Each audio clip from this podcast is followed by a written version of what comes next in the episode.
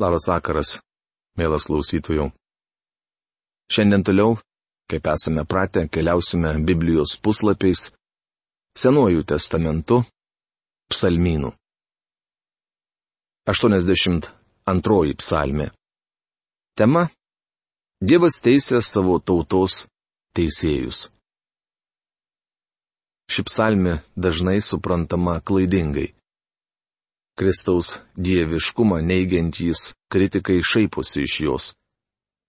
Tai dar viena pranašiška psalmė, kurioje aprašoma žemiškosios Dievo tautos Izraelio ateitis. Bet to čia matome viešpaties šlovę. Įdomu, kad Dievas susijęja pirmąją su antraja.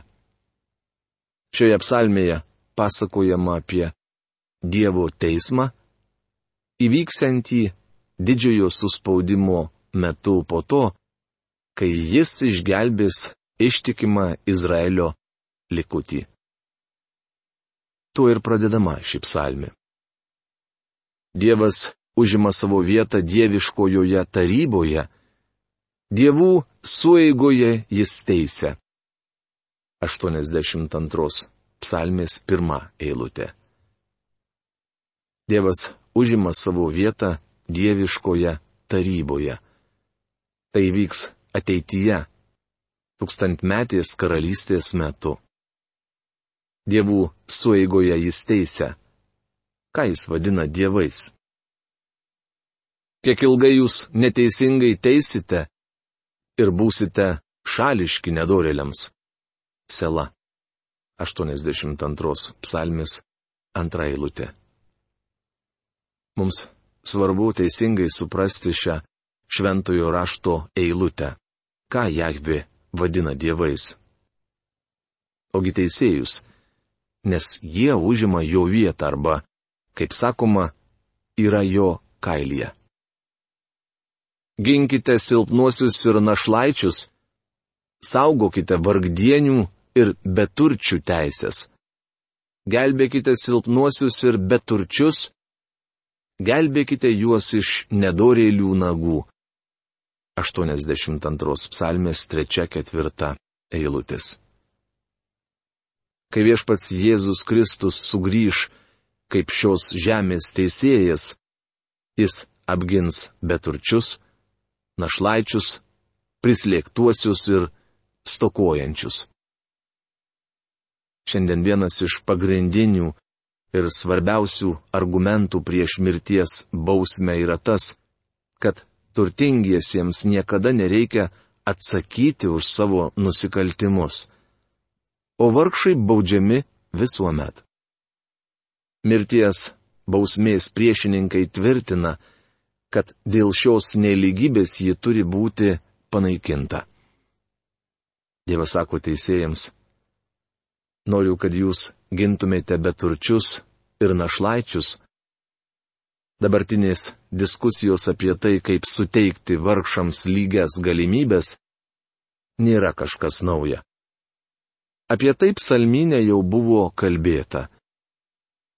Kai viešpats Jėzus karaliaus šioje žemėje kaip mesijas, jis apgins beturčius ir našlaičius, silpnuosius ir prispaustuosius. Šiandien teisėjai užima Dievo vietą, tad privalo daryti tą patį. Toliau skaitome įdomią eilutę. Kokie jie neišmanėliai, kokie jie kvaili, jie vaikšto nedurais keliais ir teisingumo pamatai žemėje griūva. 82 psalmės 5 eilutė. Iš tiesų, teisingumo pamatai pasaulyje griūva ir atsiranda vis daugiau netvarkos. Daugiausia dėl to kalti žemės teisėjai. Lengva teisėjui elgtis, kaip kad darė pilotas. Nusiplauti rankas ir sakyti, manau, mirties bausmė - necivilizuotas reiškinys ir jos taikyti nedėrėtų. Tokiu būdu jis mano išvengsęs atsakomybės ir nemalonumų. Bet kai įstatymo laužytojai atsigręž prieš jį, toks teisėjas tegul neužmiršta, kad teisingumas aklas.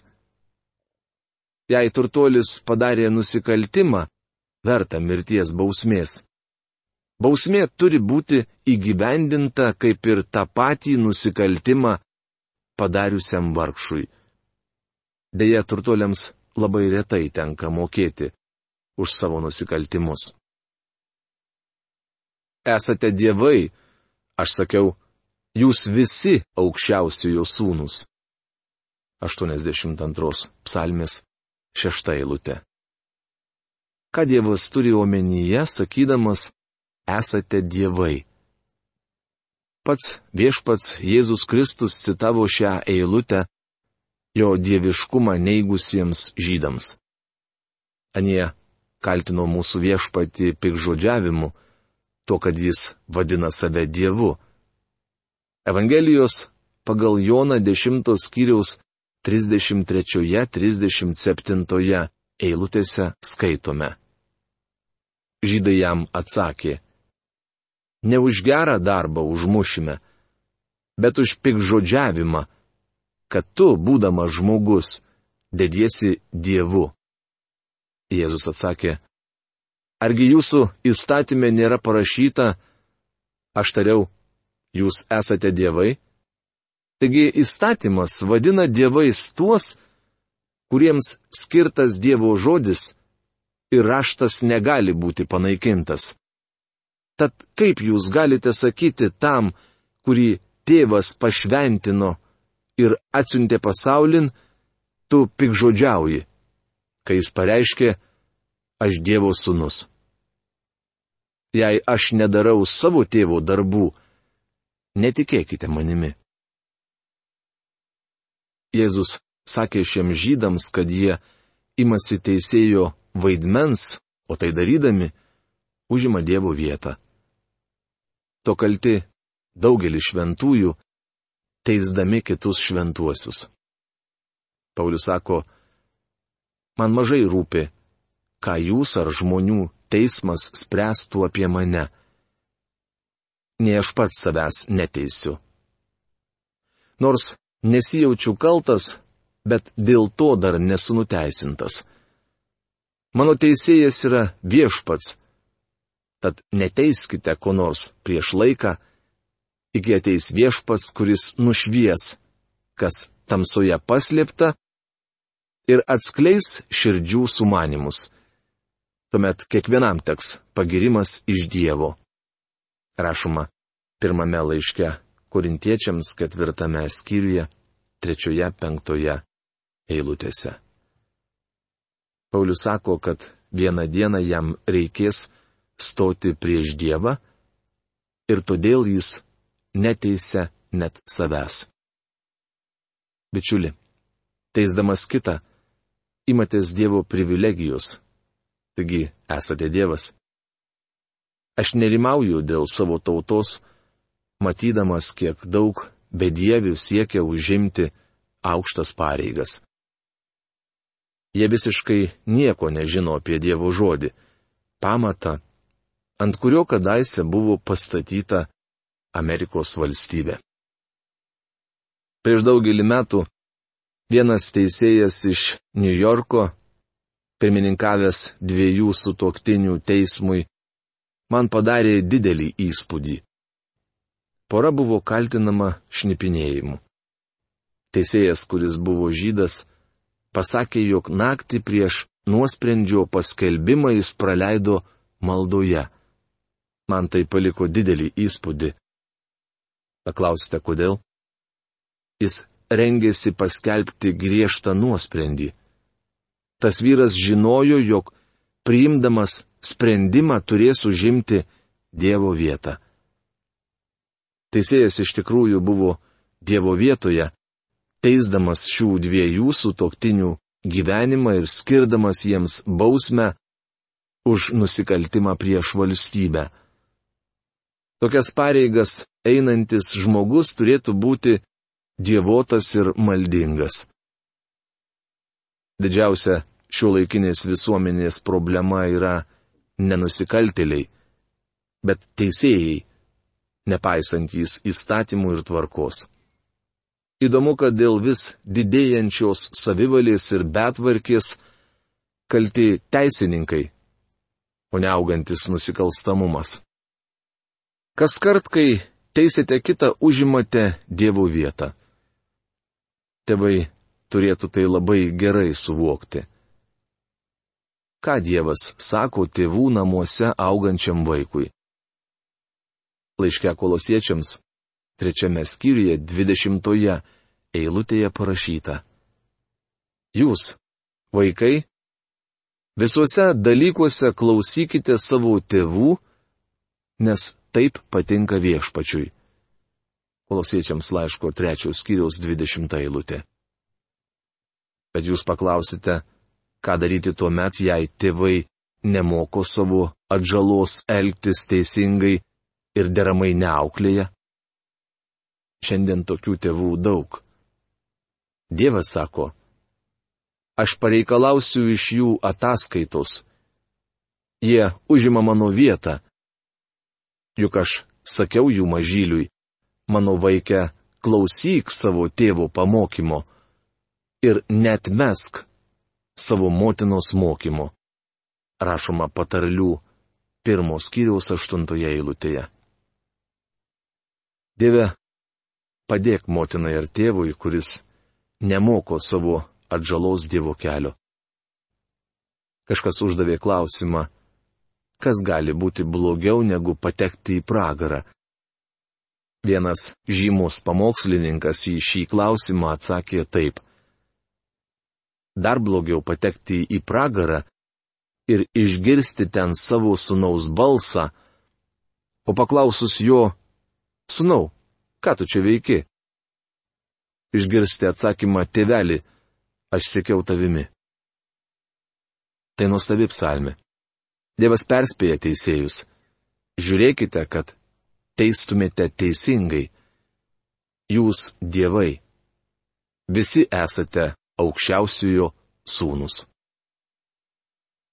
Tačiau mirsite kaip žmonės, krisite kaip kiekvienas didžiūnas. 82 psalmės 7 eilutė.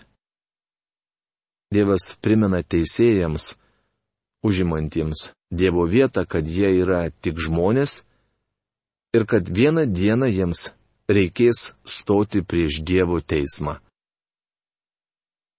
Pakilk Dievę, teisk žemę, nes tau priklauso visos tautos. 82 psalmės, 8 eilutė. Tokiais žodžiais melsis Izraelio tauta. Aš taip pat norėčiau prie jų prisijungti. Pakilk Dieve. Teisk šią žemę. Dieve, tu paveldėsi visas tautas. Žemė priklauso tau, tad teisk ją. Manau, taip melstis galime visi. 83 psalmi. Tema - Dievo teismo laukimas. Tai giesmė Asafo psalmi. Ši paskutinioji Asafo parašyto ciklo psalmė yra gana paini. Iš tikrųjų, jos neįmanoma priskirti jokiam Izraelio istorijos laikotarpiui. Negalėdami to padaryti, žmonės ima spėlioti, kokie įvykiai inicijavo jos atsiradimą. Beje, kai kurių Biblijos aiškintojų spėliojimai iš tikrųjų keisti ir neapgalvoti.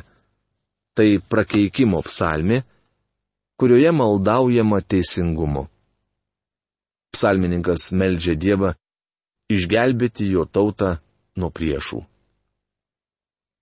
Dieve netilėk, nebūk man kurčias ar nebylus, Dieve. Štai maištauja tavo priešai, kelia galvas, kurie tavęs nekenčia. 83 psalmės 2-3 eilutės. Kas bebūtų tas priešas, jis nekenčia Dievo. Bet argi ne visi priešai tokie? Jie rengia samokslus prieš tavo tautą, tarėsi prieš tavo globotinius. Eime, sako jie, sunaikinkime juos kaip tautą. Izraelio vardas nebebus daugiau minimas. 83 psalmės 4-5 eilutės. Čia kalbama apie tuos, kurie rengi samokslą prieš Izraelio tautą, ketindami ją sunaikinti. Kai kurie Biblijos aiškintojai bandė priskirti šią psalmę Juozapato karaliavimo laikotarpiui. Kiti kitiems istoriniams laikotarpiams. Svarbiausia, kad mes pastebėtume, jog Dievo priešai rodo jam savo neapykantą. Šios psalmės atkarpa, kurią skaitysime toliau, sunku priskirti kokiam nors istoriniam laikotarpiui. Tikrai jie vieningai samokslauja. Prieš tave sudaro sąjungą Edomo ir Izmaelitų tautos, Moabas ir Hagarai, Gebalas, Amonas, Amalekas, Filistija ir Tyro gyventojai. Asūras irgi prie jų prisidėjo. Tai stipri Loto vaikų parama. Sela. 83 psalmis 6-9 eilutės. Asūras yra Asirija. Loto vaikai - Muabas ir Amonas. Šioje Dievo žodžio dalyje išvardyti Dievo priešai. Nepanašu, kad skaitytą ištrauką galima būtų susijęti su kokiu nors istoriniu laikotarpiu. Tad regis, šioje nuostabioje psalmino pastraipoje kalbama apie ateitį. Gali būti, kad šios kitados egzistavusios tautos ateityje vėl pasirodys. Mūsų dienomis Izraelis supa arabų tautos, kurias regis labiau vienyje netautybė, o bendra religija - visi jie musulmonai. Tie žmonės jaučia Izraeliui didelį priešiškumą. Panašu, kad šiuose eilutėse paminėtos tautos paskutinėmis dienomis vėl atgims. Šiandien jų nėra, kaip nėra ir jas panašių tautų. Tad 83 psalmė yra iš tiesų nuostabi. Likusioje psalmės dalyje skaitome prakeikimo maldą. Joje psalmininkas prašo, kad Dievas pakiltų teisti. Tai retrospektyvi psalmė Matasafas sako, bausk, kaip darėjai anksčiau. Padaryk jiems, ką padarėjai Midjanui, Siserai ir Jabinui prie Kišono upės.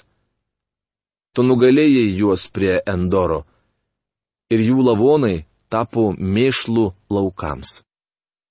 83 psalmės 10-11 eilutės. Teisėjų knygoje skaitome, kaip Dievas baudė šias tautas. Kai kurie sako, kad ateityje Dievas panašiai nebaus. Nebaus? Bet juk praeitie baudė. Dievas nepasikeitė. Ką jis darė praeitie, tą darys ir ateityje. Štai kodėl ši psalmė tokia įspūdinga. Leiskite priminti jums, kad mums, kaip tikintiesiems, šiandien taip melstis nedėra. Mes su jumis turėtume melstis už savo priešus. Ne kad Dievas juos nubaustų, bet kad jie atsiverstų, kad galėtų atsigręžti į Dievą. Ši malda skirta Izraeliui. O mano Dieve, išblaškyk juos lik dulkes, lik vėjų nešamus pelus. 83 psalmės 14 eilutė. Gal esate skaitę apie griauzdišką jaučių sukamą ratą, kuris buvo naudojamas kuliant javus. Psalmininkas sako, padaryk tą patį su mūsų priešais viešpatie. Kaip ugnis siaubia mišką, kaip liepsna svilina kalnus. 83 psalmės 15 eilutė. Kitaip tariant, būk kaip miškus siaubinti ugnis. Pasiklausykite išvados, kurią baigėsi ši psalmi. Tai žino, kad tu vienas, kurio vardas viešpats, esi aukščiausiasis visoje žemėje. 83 psalmis 19 eilutė. Mano įsitikinimu, pasaulis sužinos, kad Dievas yra Dievas tik tuo met, kai jis pakils teisti. Dievo gerumas turėtų vesti žmonės į atgailą. Tačiau nusidėjėliai nenori atgailauti. Jei žmonės būtų nors kiek jautrus Dievo artumui ir jo asmeniui, artintųsi prie jo. Tačiau jie atvirkščiai tolsta nuo Dievo. Amerikiečių tauta dabar yra viskuo pertekusi. Kai buvome jauna, pionieriška tauta, besiskinanti kelią į vakarus, mes pasitikėjome Dievu, Tuo tarpu šiandien galvojame, kad mums jo nereikia. Tačiau man atrodo, kad nūdien mums jo reikia labiau nei bet kada anksčiau. Ir ne vien mums. Visoms tautoms. Tokia žinia šiai dienai. Iki greito pasimatymo. Sudė.